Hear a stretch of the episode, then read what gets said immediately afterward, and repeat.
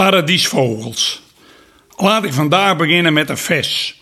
Een ode aan Sim Jellema, die het mij eerder zijn levensverhaal vertelde. Ode aan Simon.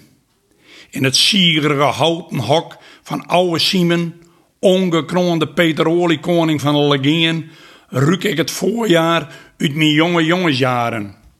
Zie ik hoe Sim met zijn knoestige bruinvlekte handen van het oudsnijde riet wonderskone eendekorven vlecht. Hoor ik Simon, die het mij gratis en vergees de verhalen vertelt, die ik alleen maar ken uit bruinkafte geschiedenisboekjes, over eierzoekers, vissers, stropers en lui die dingesdags op een sneke veemerk kwamen met knieën, exotische een die ze voor een knappe prijs verkochten.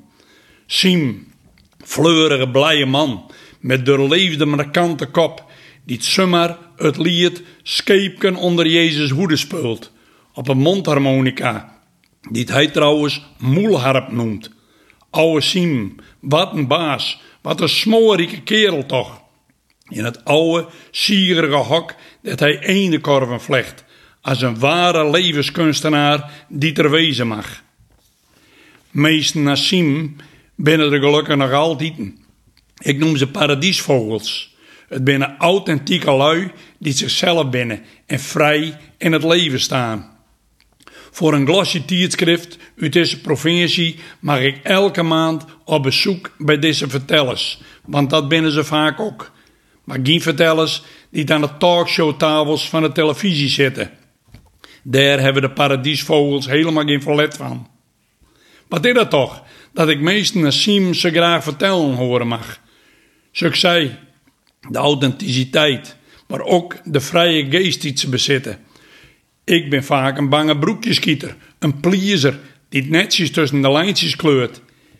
Ik weet het door mijn vlotte babbelvlaak te verbloemen en te camoufleren.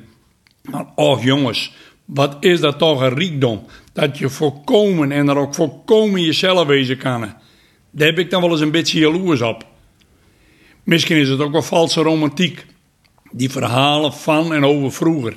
En ik probeer dan ook niet te versupen in een zee van nostalgie. Dat gevaar leidt altijd naar beloer. Ik geniet tijdens de gesprekken met die vertellers ook van het taalrijkdom. In wat voor taal dat het nou ook is. Het Fries, het Stads, het Beels, het Stellingwerfs of het Nederlands met al zijn taalvarianten vastleggen van al dat moois en soms er een vers over schrijven. Een woord als moelharp is toch een taalmonumentje? Als je die woorden in een vers verweven kan, zal er altijd wel eentje wezen die het vraagt: wat is een moelharp? En dan ben ik de onverbeterlijke schoolmeester weer om dat uit te leggen. Vaak is het ook de rust die het van meesten naar Sim uitgaat, die zorgen voor een heilzaam gevoel. Daar kan de divan van een psycholoog of psychiater bij lange na niet op. Dat is maar een aanname, omdat ik nog nooit bij die therapeuten geweest heb. Dat komt misschien wel omdat ik één keer in de maand bij al die paradiesvogels op bezoek mag. De wereld het verlet van meer sims die op mijn verzoek ook nog even scheepken onder Jezus hoede speulen. Op de moelharp.